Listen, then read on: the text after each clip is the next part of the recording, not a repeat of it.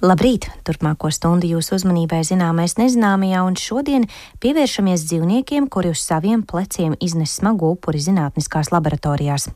Medikamentu izstrāde, dažādi eksperimenti un uzvedības pētījumi notiek ciešā sadarbībā ar dzīvniekiem, To vidū ir gan maza izmēra zivtiņas, gan augsti attīstīti zīdītāji un pat primāti.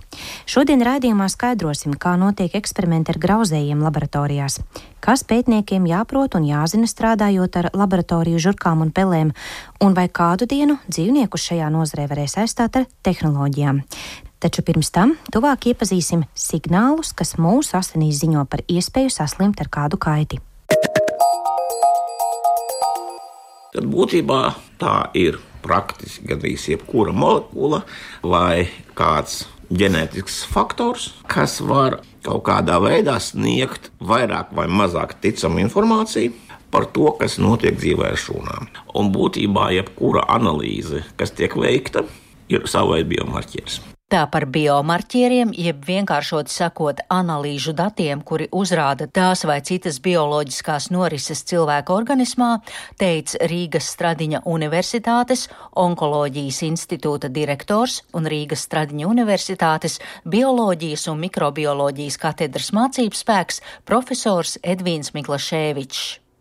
Medicīnas zinātnē strauji attīstoties, speciālisti strādā pie tā, lai būtu iespējams noteikt aizvien precīzāk un maz invazīvā veidā dažādu slimību priekšvēstnešus, kā arī iegūt precīzākus rezultātus par ārstēšanas procesa gaitu, piemēram, cik lielā mērā piemērotā konkrētā terapija darbojas onkoloģijas pacientiem. Sarunā ar Edvīnu Miklaševiču noskaidrosim, pie kā šobrīd notiek darbs, lai noteiktu precīzus signālus par dažādu slimību attīstību mūsu organismā un kāpēc nav tik viegli un vienkārši, tā teikt, nolasīt pēc analīzēm datus par konkrētām kaitēm. Tā problēma, kas ilgst no aizlaikiem un vēl ar vienu nav atrisināta, ir tā, ka marķieri nevienmēr ir specifiski nevienmēr ir pietiekami jutīgi, nevienmēr ir pietiekami informatīvi. Tāpēc vienmēr, un patreiz tas notiek, protams, ar daudz intensīvāk, jo mums ir parādījušās jaunas tehniskās iespējas, un piedāvājam šo tehnisko iespēju izmantošanas izmaksas krītās. Mums pieaug daudz lielākas biobankas ar paraugiem, kurus mēs varam skrīnēt. Līdz ar to cilvēki grib identificēt tādus biomarķierus, kas būtu neinvazīvi. Teiksim, mēs skatāmies kaut ko urīnā vai teiksim, asinīs. Tas nu, tomēr nav īpaši invazīva operācija. Paņem asins analīzi. Šiem marķieriem ir jābūt stabiliem, jo, ja marķieris ir nestabils, tad, protams, zinātniskā laboratorijā mēs to varam izmantot. Bet klīniskā praksē tas būtu liels apgrūtinājums. Šiem marķieriem ir jābūt specifiskiem. Šiem marķieriem ir jābūt jutīgiem, kas pamana vai teiksim, liecina par kaut kādu procesu iestāšanos vai neiestāšanos jau pie samērā zemām koncentrācijām, lai mēs varētu viegli identificēt riska grupu no pārējās populācijas. Tā kā intervēju onkoloģijas institūta direktoru, tad interesējos, kāda šobrīd ir situācija ar dažādu audzēju noteikšanu, cik tālu ir pavirzījusies medicīnas zinātne, lai gadījumos, kad nepieciešams veikt biopsiju, tas ir audu parauga noņemšana diagnostiskos nolūkos, to varētu aizstāt ar ātrāku un vienkāršāku asins analīzi. Protams, marķeri onkoloģijā ir ļoti svarīgi. Un būtībā mēs varam iedalīt tādas divas grupas. Tie pirmie ir nosauksim viņus diagnosticējošie, kas norāda par iespējamību, ka cilvēkam ir onkoloģiska saslimšana. Un otra grupa ir prediktīvi, kas uh, liecina par to, vai terapija ir efektīva. Būtībā marķierus onkoloģija izmanto jau sen un droši vien daudzi cilvēki, gan tiem, kuriem ir onkoloģiskā saslimšana, gan veseli, savā asins analīzēs ir redzējuši apzīmējumu CA un kaut kādus ciparus. CA kancera antiģēnu. Un, protams, PSA pie prostatas vēža. Un, protams, ja šie marķieri pārsniedz noteiktu koncentrācija, noteikti daudzuma. Tas, protams, liecina, ka varētu būt onkoloģiska saslimšana. Daļa gadījumos šie marķieri arī mainās savā daudzumā terapijas laikā. Ja terapija ir efektīva, marķieru daudzums samazinās, ja neefektīvi palielinās, bet diemžēl šie marķieri nav ideāli un ir diezgan bieži gadījumi, kad viņi ir neinformatīvi. Respektīvi, mums slimība attīstās, bet marķieris ir zemā līmenī, vai taisnība otrādi, varbūt tās ir labs rezultāts, bet marķieris daudzums nesamazinās. Un tāpēc, protams, tiek meklēti marķieri, kuri būtu neinvazīvi, un tāpēc, teiksim, tiek meklēti šie marķieri, kas ļautu identificēt riska grupas var būt pat ne tajā brīdī, kad jau ir sākusies onkotransformācija, bet tieši vēl pirms tā brīža, kad mēs varētu identificēt kaut kādu riska grupu, kurai, teiksim, ir palielināts risks saslimt ar kaut kādas noteiktas lokalizācijas vēzi.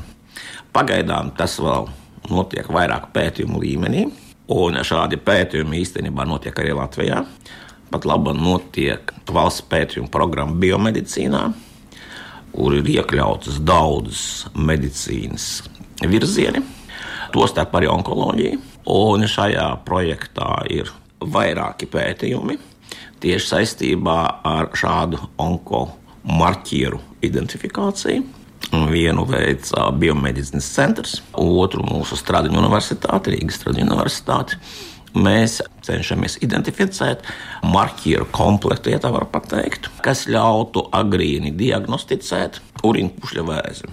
Respektīvi, mēs salīdzinām noteiktu veidu mazas, ļoti stabilas molekulas, mikroRNS pacientu grupā un kontrolas grupā, un meklējam šīs atšķirības, validējam tās. Šobrīd notiek arī pētījums pie tā, lai mediķi var sekot līdzi, cik efektīva ir ārstnieciskā terapija krūts un resnās un taisnās zarnas vēža pacientiem, teica profesors Miklaševičs, bilstot, ka tieši tā ir lielākā problēma vēža terapijā - noteikt reālā laikā konkrētas vēža terapijas iedarbību.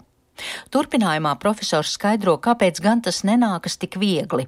Ņemot vērā medicīnas zinātnes sasniegumus, speciālisti tomēr nevar nolasīt pēc analīzēm to vai citu kaiti. Ja reiz cilvēka organismā ir vairāki tūkstoši gēnu un tie kā lego klucīši spēj salikties neskaitāmās kombinācijās, tad tas arī ir iemesls, kāpēc medicīnā ir tik grūti tikt pie ātrām un vienkāršām atbildēm katrs gēns ir daudzos un dažādos variantos. Gluži kā kāda grāmata, pēdējais mohikānis, kas ir izdota tūkstošiem reižu ar attēliem, bez attēliem, mīkstos vākos, cietos vākos. Un visiem cilvēkiem ir vieni un tie paši gēni, bet dažādi izdevumi, dažādi aldiskie varianti, kas, protams, arī sarežģīja meklējumus. Un tā lieta, kas, protams, ir nepieciešama, ir pētījuma un kontrolas grupas. Jo, ja mēs, jau pieminēju, ka mēs salīdzinām, teiksim, urīnpūšļa vēža pacientus ar cilvēkiem bez onkoloģiskās saslimšanas, bet vecumā, kad cilvēkiem parādās onkoloģiskas saslimšanas vairums gadījumos, viņiem ir arī blakus slimības. Diabetes, paaugstināts asinsspiediens, paaugstināts ķermeņa masas indeks, jebkas. Un tas, protams, arī ietekmē šo sastāvu, kas ir mūsu urīnā, molekulas, molekulas, kas ir plazmā, jebkur citur. Līdz ar to ir nepieciešamas lielas grupas, kuras ideālā gadījumā būtu sasniegšana tikai ar kaut kādas lokalizācijas audzēju vēzi un pilnīgi veselu cilvēku. Tas ir tāds ideālistisks variants, kāds nav iespējams. Un tāpēc, protams, mūsdienās, kad jau ir parādījušās lielas datubāzes, lielas biobankas, marķieru identifikācija attīstās ļoti ātri, bet ir vēl viena lieta. Mēs varam varbūt tās identificēt marķierus, jo mums ir sarežģītas iekārtas, kuras ir dārgas. Bet šīs iekārtas nu, nav pieejamas masveidā. Ne pie mums, ne Luksemburgā, ne jebkurā citā brīvā izvēlētā valstī. Līdz ar to šie marķieri nav izmantojami. Pat ja viņi būtu ideāli, nu, tad mēs nevaram teiksim, cerēt, ka kādās pat bagātās valstīs klīnikas un laboratorijas būtu apgādātas ar šiem ļoti modernām un dārgām ierīcēm. Plus, vajadzīgi cilvēki, kas šīs ierīces darbina, plus ir vajadzīgi cilvēki, kas saprot un prot izlasīt rezultātu, interpretēt. Ja? Un, protams, tas viss attīstās, bet nu, paies vēl kāds brīdis, līdz mēs nonāksim pie tādiem pilnīgi ideāliem biomarķieriem. Tomēr, kā jau Edvīns Miklaševičs minēja, notiek darbs pie tā, lai pēc iespējas ātrāk un precīzāk noteiktu gan slimības attīstības gaitu, gan arī priekšvēstnešus, kas pēc analīzēm ļauj prognozēt saslimšanu ar audzēju.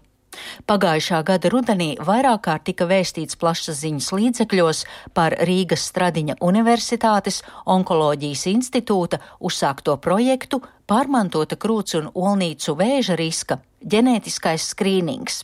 Projekta mērķis ir veicot ģenētisko testēšanu 25 līdz 59 gadus vecām veselām Latvijas sievietēm, atrast tās pacientes, kurām ir augsts risks saslimt ar pārmantotu krūts un olnīcu vēzi.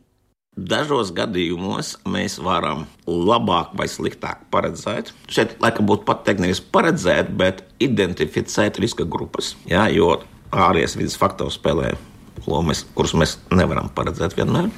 Bet šīs ir arī karsts kartupelis ģenētikā un medicīnā, jo ir ļoti daudz pētījumu. Jā, tiek identificēti ar vienu jaunu gēnu variantu, kas, teiksim, vai nu palielina vai samazina risku iegūt tādu vai citādu pazīmi. Nebūtu ne obligāti saslimšana. Un, kas attiecās uz onkoloģiskām saslimšanām, mēs varam labi paredzēt šo ģenētisko predispozīciju.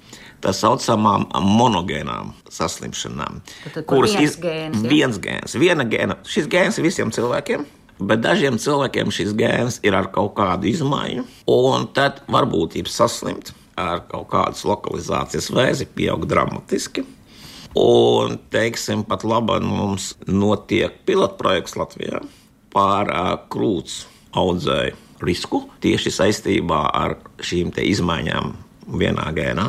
Runa ir par veselām sievietēm, es domāju, onkoloģiski veselām, līdz 50 gadu vecumam, kuras var nodot savu biomateriālu siekalus.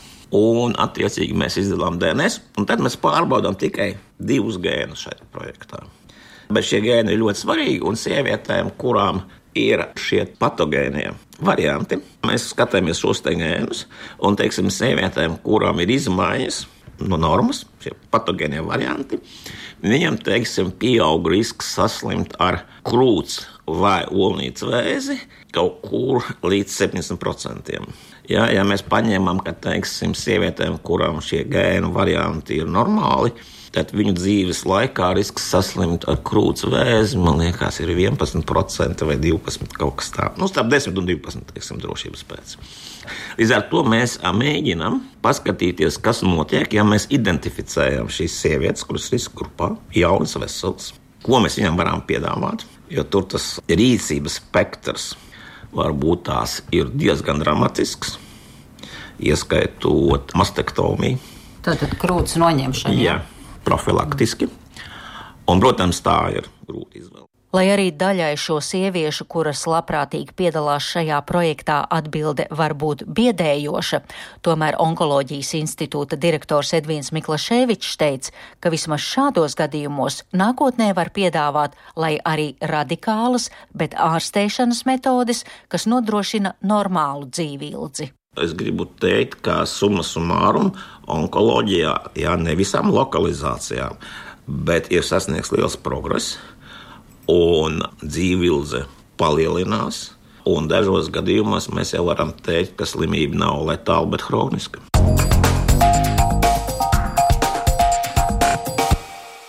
Par biomarķieriem un citiem iespējamu slimību rādītājiem mūsu asinīs Zanēlācē Baltalksnē stāstīja Rīgas Tradiņu Universitātes onkoloģijas institūta direktors Edvins Miklaševičs, bet par grauzēju lomu medikamentu izstrādē saruna pēc brīža. Ikdienas dzīvē ir pierasts domāt par grauzējiem kā par nevēlamiem kaitēkļiem, dažos gadījumos kā par mīļiem mājdzīvniekiem, taču ir kāda joma, kurā grauzēji ir pelnījuši milzu pateicību no mums. Tā ir medikamentu izstrāde un klīniskie pētījumi farmācijā. Katru gadu ap 120 miljoniem grauzēju tiek izmantoti, lai mēs labāk izprastu, kā darbojas bioloģiski organismi un kā cīnīties ar dažādām slimībām. Kā tas notiek, kāda ir šo dzīvnieku ikdiena un loma medikamentu tapšanā, par to šodienas studijas maicinājusi dabaszinātņu doktora Viestura Eglīti. Labdien! Labdien! Viestura saprot, ka jūs ikdiena paiet Lielbritānijā. Pastāstiet par savu ceļu tur, zinātnē, bioloģijas zinātnē un kā tikāt līdz laboratorijas spēlēm un žurkām. Lielbritānijā esmu nu, teiksim, jau vairāk kā desmit gadus aizbraucu tur mācīties, apgūt bioķīmiju, un ar grauzējiem pirmoreiz saskāros maģistra studiju laikā, kad izmantoju peles un žurkas, lai pētītu jaunus audzēju diagnostikas veidus. Un tajā brīdī arī apguvu, kā ar pelēm un žurkām strādāt.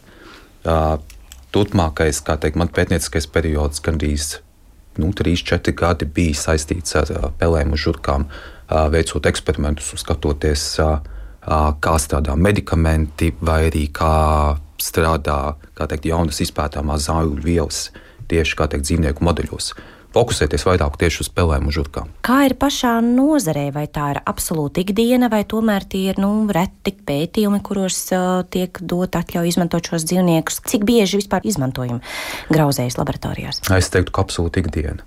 Kā grauzējs un dzīvnieks, kā laboratorijā, kā tāds ir pilnīgi neatņemama sastāvdaļa jebkuram procesam, kas var tirgu, kā teikt, var pirms kā patērētājiem atvest jaunu medikamentu. Tātad pelēņu žurka tas visticamāk jebkurai zālē, jebkuram medikamentam, terapijai, kuram mēs saskaramies šobrīd, vai mūsdienās, vakcīnas vai atsāpināšanas līdzekļi, tur vienmēr bijis teikt, periods, kur noteikti stāvējis klāta vai kura dēļ principā gājis bojā, ir grauzējis.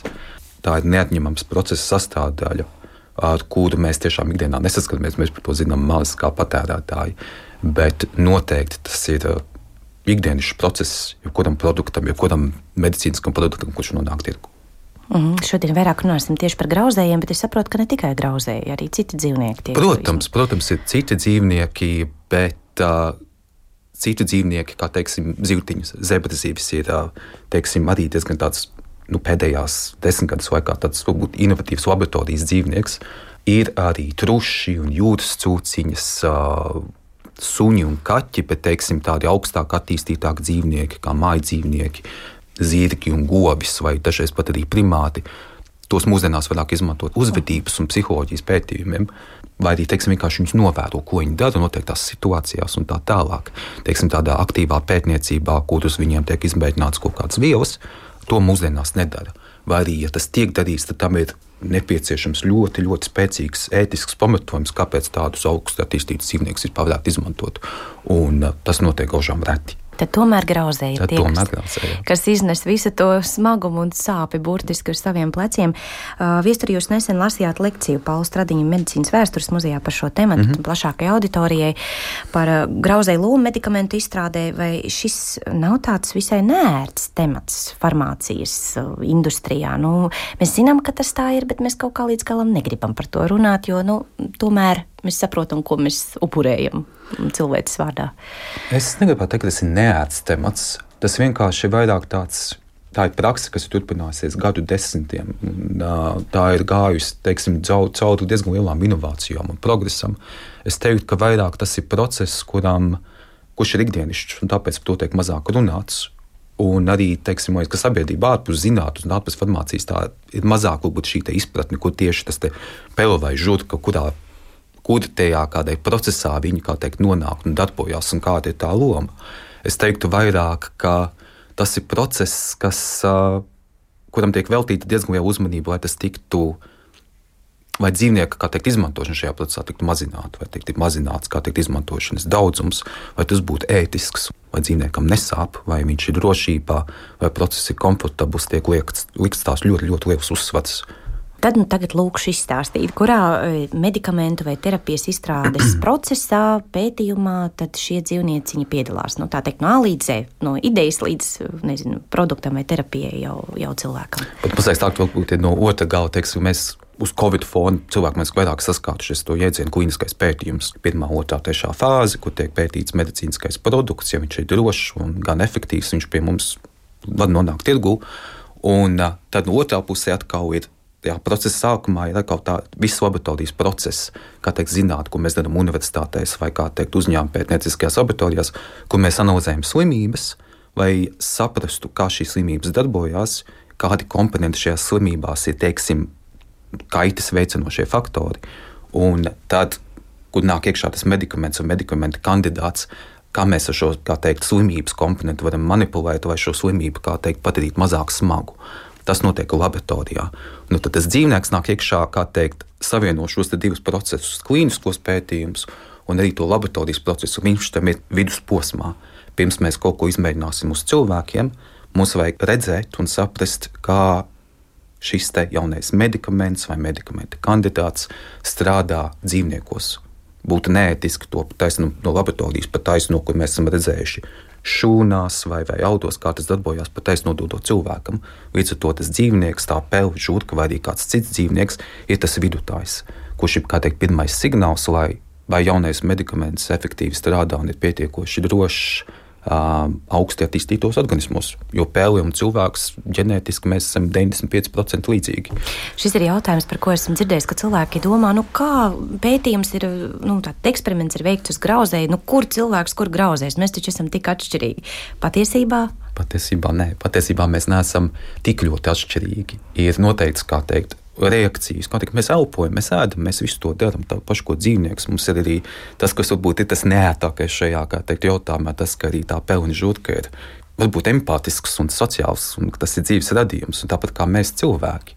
Teiksim, arī šajā pašā lekcijā publika mazliet apspriedām arī to, ka žurkā teiksim, patīk, ka viņas pakutina, ka viņām ir, ka ir labi teikt, veidot to kā teikt, attiecības ar to dzīvnieku, kas piedalās tajā eksperimentā, ka viņš ir principā tavs eksperimentu partneris. Ir, tāpat kā cilvēkam patīk, ka viņi komunicē, ka viņi smaida, ka viņam nesaka neko sliktu. Tāpat arī žurkai patīk, ka viņi teikt, samīļ vai apčupina, tad, kad notiek eksperiments vai pēc eksperimenta. Tāpēc mēs nesam, mēs esam. Man, man šķiet, ka cilvēkiem varbūt ir vieglāk domāt, ka žurka tas ir pilnīgi kaut kas cits, ka žurka tas ir grauzējs vai kaitēklis, bet īstenībā ir, ir ļoti daudz līdzības, kaut vai grozējuma cilvēki, tā var teikt, ka, kas padara arī teikt, mūs empātiskākus par dzīvniekiem. Līdz ar to šī līdzība noteikti ir gan, gan fiziski, fizioloģiski, bet arī mazliet tā psiholoģiski un uzvedības veidā. Nevelti mēs veicam uzvedības pētījumus arī žurkām. Tieši gribēju teikt, man liekas, ik viens, kuram mājās kādreiz ir kā mīļdzīvnieks, bijusi mm -hmm. žurciņa vai, vai pelīte, nu, ļoti labi zina, ka šie dzīvnieki pieķerās. Viņi ļoti labi atcerās cilvēku sejas, un tie paradumi un arī raksturi ir atšķirīgi. Tā kā to noteikti vēl, Tieši vēl tūlīt izrunāsim. Uh, no sākuma tā tad ir šī šūna, audi, tātad mm -hmm. Baktē, baktērijas, vai teiksim, ir arī tādu veidu modeļi. Laboratorijas nematodas tā saucamās, arī tās tiek izmantotas. Uh, bet, jā, vispirms ir šūnas, audi, arī datormodeļi, kas var arī, arī būt pietiekoši labs rādītājs, vai kaut kas būs efektīvs vai neefektīvs. Un tad nāk iekšā šis dzīvnieks. Bet arī darbā ar grauzēju, vai žurku, vai pēli, vai jūras cūciņu, tik un tā ir nepieciešama ētiska atļauja, ko parasti veids pašas vai nu universitātes, vai arī teiksim, uzņēmumi, kas izvērtē, vai dzīvnieku nepieciešamība ir teikt, attaisnojama šajā eksperimentā, cik daudz, cik daudz dzīvnieki, kādi dzīvnieki, kādas metodas tiks veiktas. Dažreiz šīs atļaujas netiek dotas, vai arī teiksim, tiek lūgts samazināt dzīvnieku skaitu, kas tiek izmantoti. Tāpēc jā, process ir laboratorija, laboratorijas dzīvnieki, un, ja viss iet gludi un ir vērts, tad nāk iekšā cilvēks. Mm -hmm. Par cilvēku runājot, nu kāds ir teikt protokols, kā strādāt ar šiem dzīvniekiem? Kādi ir tie noteikumi galvenokārt, kas ir jāievēro? Viens, es saprotu, pati telpa mm -hmm. noteikti būs atšķirīga. Pati telpa ir atšķirīga. Dzīvnieki jau paši par sevi tiek uzturēti atsevišķā telpā. Viņiem ir žurkām un pelēm, ir katram savas teikt, nodaļas un sadaļas. Parasti tās ir lielas, veidinātas telpas, kontrolēti apstākļi dzīvniekiem jābūt ir, atkarībā no viņa teikt, uzvedības veida. Pels un šūkas vienmēr būs būtī vairākas, ja vien viņām pēc tam, ja viņi, viņas nav tieši pēc eksperimenta, viņām jābūt atsevišķi. Bet nodošanot, teiksim, tos sociālos apstākļus, kādi ir dzīvniekam, pels dzīvo badā, žurkas dzīvo badā, viņām ne tikai ir garlaicīgi, līdz ar to jābūt spēļmantiņām, mantiņām, vai dzīvnieks būtu eksperimentāli noderīgs, viņam jābūt arī vienādiem apstākļiem, teiksim, tīrs ūdens, filtrēts gaiss specifiska, ļoti teikt, kontrolēta pārtika. Ļoti, ļoti teikt, labi un, uh, un sugai atbilstoši un dzīvniekam atbilstoši uzturēšanās apstākļi. Uh, eksperimentāli tad uh, parasti dzīvnieks tiek teikt, sagatavots. Viņš tiek teikt, uzturēts noteiktā telpā, noteiktā temperatūrā, nomierināts un arī uh, dzīvnieks nogurst, viņš pārāk daudz dzīvojas pa rokām. Līdz ar to noteikti viņš piedalīsies eksperimentā, noteikti kaut kādā pāris stundas dienā, pēc tam viņš kļūst noguris un vairs negrib teiksim, sadarboties. Bet cilvēkam pašam ir jāsagatavojas. Nedrīkst būt smaržs, nedrīkst lietot varbūt, teikt, ļoti specifiskas smaržas. Jābūt arī mierīgam. Ja dzīvnieks parasti, un tiek žudkas, ir sevišķi viņš jūt, ka arī, ja, ja tu esi satraucies, satraucies, tad arī mm, dzīvnieks pats par sevi arī būs mazliet uztraucies un negribēs sadarboties. Ir daudz dažādas lietas, kas būtu jāievēro. Tās grūti ir izklāstīt, kā teikt, vienā teikumā. Tam ir nepieciešams sagatavoties, trenēties un noteikti certificēties. Tam jābūt atļaujai strādāt ar dzīvnieku. Un viens no šīs atļaujas treniņiem, kas bieži vien studentam ir uh, grūtāk, un tāds klupšanas akmens ir arī teiksim, šis te dzīvnieku eitanāzijas faktors. Jo jebkurš laboratorijas dzīvnieks, kurš piedalās pētījumā, viņš tiek eitanizēts. Jebkurā gadījumā. Un uh, tas bieži vien ir grūti. Bieži vien ir grūti teikt, arī uh, skatīties uz dzīvnieku un diagnosticēt to, ka viņam sāp. Jo daudzas no eksperimentālām metodēm dzīvniekam visticamāk izraisīs diskomfortu. Un tas nav tā, ka cilvēkiem vienalga, un pētniekam nedrīkst būt vienalga, ka viņš strādā ar dzīvniekiem. Ja redz, ka dzīvnieks sāp, tad ir jāatsāpina. Parasti tiek iedots injicēts zāles vai pievienots zāles, kā teikt, atsāpinošie līdzekļi barībai, lai dzīvniekam nesāp. Ja dzīvniekam ir uh, stipras sāpes, ja dzīvnieks kliedz, neatkarīgi no eksperimenta vērtības, vai arī cik būtisks tas eksperiments ir, kā teikt, tas uzreiz jāpārtrauc un dzīvnieks momentā ir jāitenizē. Mm, tas jau arī noteikti nozīmē kaut ko pašam pētījumam. Ja, ja mēs redzam, ka tas sagādā milzīgu diskomfortu, mēs skaidri varam saprast, ka kaut kas ar šo aktīvo vielu vai, vai medikamentu nav īsti kārtībā. Runājot par šo pašu nu, tādu emocionālo klātbūtni, pieķeršanās faktors. Nu, cilvēks tomēr pieķeras, man liekas, ikvienam dzīvniekam, kur ilgstoši satiek. Noteikti. Es, es teiktu, ka es esmu uzaugusi ar suņiem. Man kopš bērnības vienmēr bijuši suņi. Un kā jau man tās kvaidums no arī latviešiem, es esmu arī vasarā audzis laukos, kur ir bijušas kāzas, nu, lopi, kāzas govis un aitas. Un tad no bērnības es saprotu, ka dzīvnieki, dzīvnieki viņi jūt, viņi tevi atcerās, viņi pēc svešiniekiem izturās ar piesardzību, viņi ir sociāli aktīvi savā starpā, viņi arī kādreiz sociāli aktīvi ir ar cilvēkiem.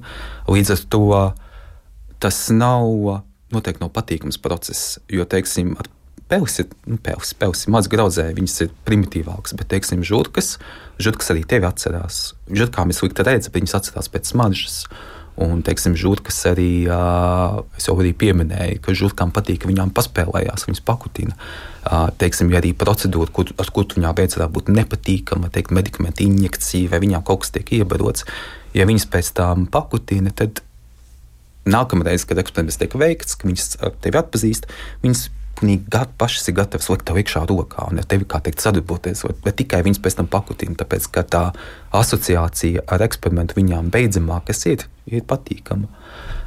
Līdz ar to tas ir sērīgs process, tas ir skumjš process, kurš prasa zināmu nocietināšanos un arī to apzināšanos, cieņpilnu apzināšanos, ka tas dzīvnieks zināmā mērā beidz upuri ka viņš būs upuris un ka dzīvnieks beigās mirs no šī procesa. Līdz ar to arī tādu pietāti, vai arī tā žurka, vai tā arī pele, uh, ar skumju pietāti parasti tas process ir jūtams.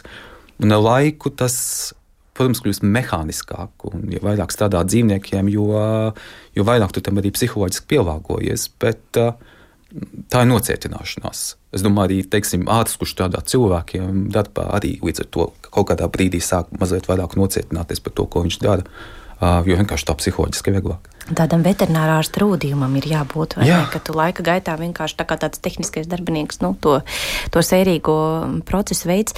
Es zinu, ka skaistumkopšanas industrijā jau ilgstoši tiek izmantots jēdziens cruelty free. Tātad -hmm. šie skaistumkopšanas produkti netiek izmantoti vai kādā veidā testēti uz dzīvniekiem.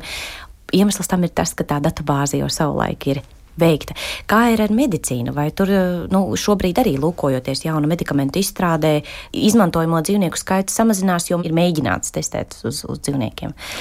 Bez šaubām ir centieni samazināt dzīvnieku skaitu un aizvietot dzīvniekus. Vai nu aizvietota zemāk attīstīta dzīvnieka, kā jūs minējāt, pelvis žurkas, bet tās varbūt aizvietot teiksim, situācijās ar, ar tārpiem vai teiksim, ar, ar zivtiņām, te, vai vispār teikt, uzstādījums, ka tās dzīvniekus aizvietot ar datormodeļiem, kur tas ir iespējams. Bet medicīnā, medicīnā tas ir mazliet sarežģītāk tīri tāpēc, ka uh, ir centieni ieviest jaunus, inovatīvus medikamentus. Līdz ar to Jā, tas var būt proteīns, tas var būt jauns signāla ceļš, bet tas ir kaut kas jauns, kas līdz šim nav izpētīts, un tas ir kaut kas jauns, kas tirgo līdz šim nav bijis. Kā teikt, centieni pēc inovācijām, kā teikt, atkal ir pretstatā. Tas atkal samazina to iespēju, ka dzīvnieku teikt, izmantošana varētu izskaust pilnībā. Um, savā ziņā progress tajā visā noteikti ir. Ir datoru modeļi un ir teikt, zinām procesi, kurus mums varbūt nevajadzētu pat izpētīt dzīvniekos. Bieži vien tas tiek arī teikt, nokļūts uz tādiem datoru modelēšanas pleciem. Uh, un uh, arī viss tā, ka teikt, procesoru un mākslīgā intelekta, visa tā jauda šajā tehnoloģiju jomā arī pieaug. Līdz ar to es ticu, ka būs tas brīdis, pienāks, ka tiešām būs tā, ka nevajadzēs vairs dzīvniekus izmantot. Bet Es nedomāju, ka mēs vēl šobrīd esam tur, kur mēs pilnībā varētu iztikt bez grauzējiem, pilnībā varētu iztikt bez žurkām. Mēs varam rūpēties, lai ir nepieciešams, kā teikt, striktāks pamatojums, lai dzīvnieki var izmantot, mazāk izmantot šos dzīvniekus un samazināt ar laiku, bet tā, ka mēs būtu tādā situācijā, kur dzīvniekus izmantot nevis pilnībā, tas vēl nav. Jā. Bet es domāju, es, es ticu un domāju iekšēji, ka tāds brīdis pienāks. Jā, mums tepat Latvijā tiek izstrādāts uh, risinājums orgānu šķipa, mm. kur ir miniatūru cilvēku kā, orgāns audija, mm. kur nesāp. Nav ētiskas dabas jautājumi, bet tas ir izstrādes stadijā. Un, un saprotams, ka vēl paies gadi, līdz mēs varēsim izmantot kaut ko citu. Uh, likumiskais ietvers, kas regulē šo dzīvnieku izmantošanu, vai tā ir nu, konkrētās valsts labturības noteikumi, vai tie ir kaut kādi starptautiski noteikumi, kas ir tas, kas nosaka, kā vai, vai korekti, ētiski tiek izmantot šie dzīvnieki? Eiropas Savienībā ir Eiropas Savienības regulējums. Tas tiek arī, kā teikt, tas ir līdz ar to Latvijā arī tas tiek ieviests. Tas nosaka, kā dzīvniekiem jāstrādā, kādos apstākļos jāuztur, arī, kā teikt, arī viss šis eitanāzijas faktors arī tas tiek noteikti arī atrunāts. Lielbritānijā tāpat, kas bija Eiropas Savienībā, bet arī tur turpinās principā, šis pats regulējums dzīvniekiem. Atbāzt dzīvniekiem jābūt atļaujai, dzīvnieki ir jāatpazīst, kā dzīvnieks jūtās. Viss šis treniņš, visas uzturēšanās apstākļi, visi ir certificēti visur, kā teikt, Eiropas Savienībā, Lielbritānijā, Eiropas ekonomiskajā zonā. Tas ir vienprātīgi viens tas pats. Pasaulē tas atšķirās. ASV ir teikt, savi nolikumi, Āzijā varbūt ir arī savs nolikums, kā strādāt ar dzīvniekiem, kādas metodes ir atļautas, kādas metodes ir mazāk atļautas, kādas tiesības kurai dzīvnieku sugai. Uh, Eiropā teikt, mēs uz grauzējiem, žurkām un pelēm skatāmies kā kā teikt, skaitam tos klāt augstāk attīstītiem dzīvniekiem. Tad, teiksim, Amerikas Savienotajās valstīs šie augstāk attīstītie dzīvnieki būs uh, vairāk uh, jūtas cūciņas, bet ne pelus un žurkas. Teiksim, un tur atkal būs citas metodes un teikt, citas atļautas metodes vai uh, citas teikt, stratēģijas, kā dzīvniekiem strādāt. Tas nav pasaulē, tas nav vienoti. Bet katrā ziņā šis process, ka uz mazāk dzīvnieku izmantošanu, mazāk dzīvnieku skaitu izmantošanu, zemāk attīstītu dzīvnieku izmantošanu un pāriešanu vairāk uz nedzīvnieku metodēm, kā datorizētām metodēm, tas visur ir vienprātīgi. Tas nav tikai ētisks, tas, protams, nav tikai ētiski iemeslu dēļ, finansiāli arī ir vieglāk ar pētniecību strādāt datormodeļos, jo dzīvnieki prasa uzturēšanu. Uz tā, tas ir uzturēšanas izmaksas, apmācība ir uzturēšanas izmaksas, uh, un arī teikt, personāls, kas to strādā, arī atalgots. Līdz ar to tas arī ir. Uh, Tas ir gan ētisks, gan ekonomisks faktors, kāpēc visā pasaulē ir likumi, kā strādāt dzīvniekiem un kā šo dzīvnieku izmantošanu mazināt. Nu jā, atgriežoties pie pētījumiem, vēl viens faktors, kas man ienāca prātā saistībā ar stresu, ņemot vērā, ka šie dzīvnieki tomēr piedzīvo kaut kādu zināmā mērā diskomfortu, mm -hmm. lielāku, mazāku, vai tā ir ķirurģiska iejaukšanās, nezinu, vai, kāda injekcija ar nepatīkamām mm -hmm. blakus parādībām. Vai tas neietekmē pētījuma rezultātus, ka šie dzīvnieki regulārā stresā atrodoties tomēr ne gluži savā dabiskajā vidē, ne gluži tur alā lauka mm -hmm. vidū, ja, vai, vai kur citur sterilā vidē, varbūt spilgtāks apgaismojums, jau kas cits, kas var traucēt dzīvniekam zīdītājiem, vai tie pētījuma re rezultāti var būt leģitīmi, ja mēs eh, ņemam vērā, ka nu, jā, dzīvnieks tomēr ir specifiskos apstākļos un regulārā stresā? Grūti pateikt, bet es teiktu, ka tas ir kaut kas tāds, ar ko mēs varam rēķināties. Tas ir kaut kas tāds, ar ko mēs varam rēķināties, ka dzīvniekam, teiksim, ja viņam tur notiek kaut kas tāds implantēts vai injicēts, ka tas var būt stress, bet tajā pašā laikā mēs arī zinām, ka dzīvnieki visi, kā teikt, laboratorijas žurkas, viņas reaģēs vienādi, pels reaģēs vienādi ka ir šis faktors, uz kuru dzīvnieku mēs varam prognozēt, ka viņš reaģēs vienādi. Līdz ar to, ja ir vienādojošs šis faktors, tad mēs, mēs principā viņu eksperimentāli rēķinamies. Līdz ar to, ja tas kaut kas paredzams, tad uh, tas, kā teikt, pētījumā tiek pat netiek pat minēts. Es neteiktu, tas tiek minēts, ka visticamāk laboratorijas dzīvnieks bija stresā, bet tas ir kaut kas tāds, ko mēs apzināmies kā standartu. Līdz ar to, ja tas notiek viscaur, visās žurkās, visās spēlēs, notiek viena reakcija pēc injekcijas, psiholoģiski vai arī pat nenotiek, tad uh, mēs viņu varam rēķināties, tas ir standartizēts. Tāpēc es neteiktu, ka tas ietekmē um, pētījuma rezultātu. Un, ja pētījums ir kā teikt, mērāmais faktors šajā pētījumā rezultāts ir, teiksim, mēs viņu mēram bioķīmiski. Kaut kāds vielas koncentrācija vai, teiksim, koncentrācija noteiktā orgānā vai spīdošu signālu luminescences vai, vai kā teikt, reduktīvo daļiņu, kā teikt, migrēšanas kaut kādu daļu. Tas nav kaut kas tāds, ko psiholoģiski dzīvnieks pats var ietekmēt. Tas vienkārši ir fizisks faktors. Līdz ar to tam, teikt, tam psiholoģiskam stāvoklim nav lielas ietekmes. Um, uzturēšanās apstākļi tāpēc ir svarīgi. Tāpēc ir svarīgi, ka mēs viņus barojam ar to pašu, ka ir filtrēts gaiss, ka šīs mantiņas, ka viss ir kā teikt vienādots visā standartizācijā, jebkurā laboratorijā, lai šis pētījums tiek atkārtots. Tas ir ļoti būtiski. Un tas iemesls, kāpēc mēs neņemtu lauku dzīvnieku vai lauku pelnu un šurkas pētījumā, tāpēc, ka tur iekšā var būt viss kaut kas, ko mēs nezinām. Faktori, ko mēs nevaram ietekmēt, dzīvnieks var būt slims vai viņam kaut kas ģenētiski savādāks.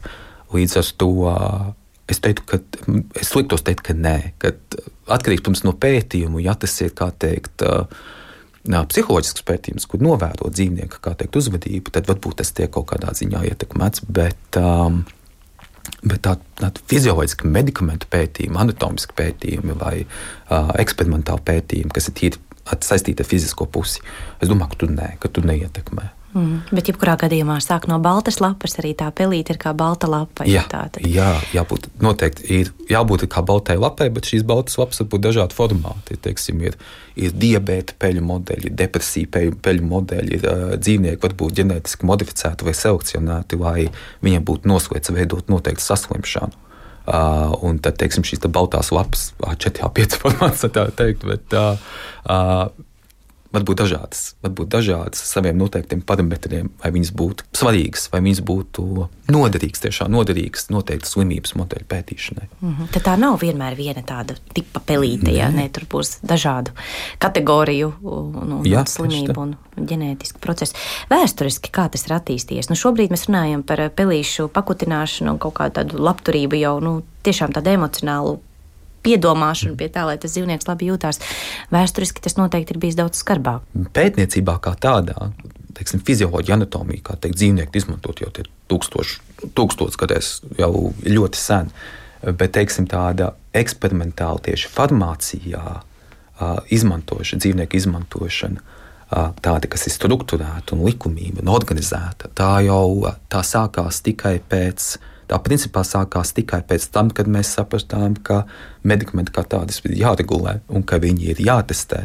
Jo ir bijuši diezgan daudz vēsturiski traģiski gadījumi, kad, kad tirgū nonāk medikamenti, kas nav testēti. Un pirmais, kas no tā cieši, ir pats cilvēks.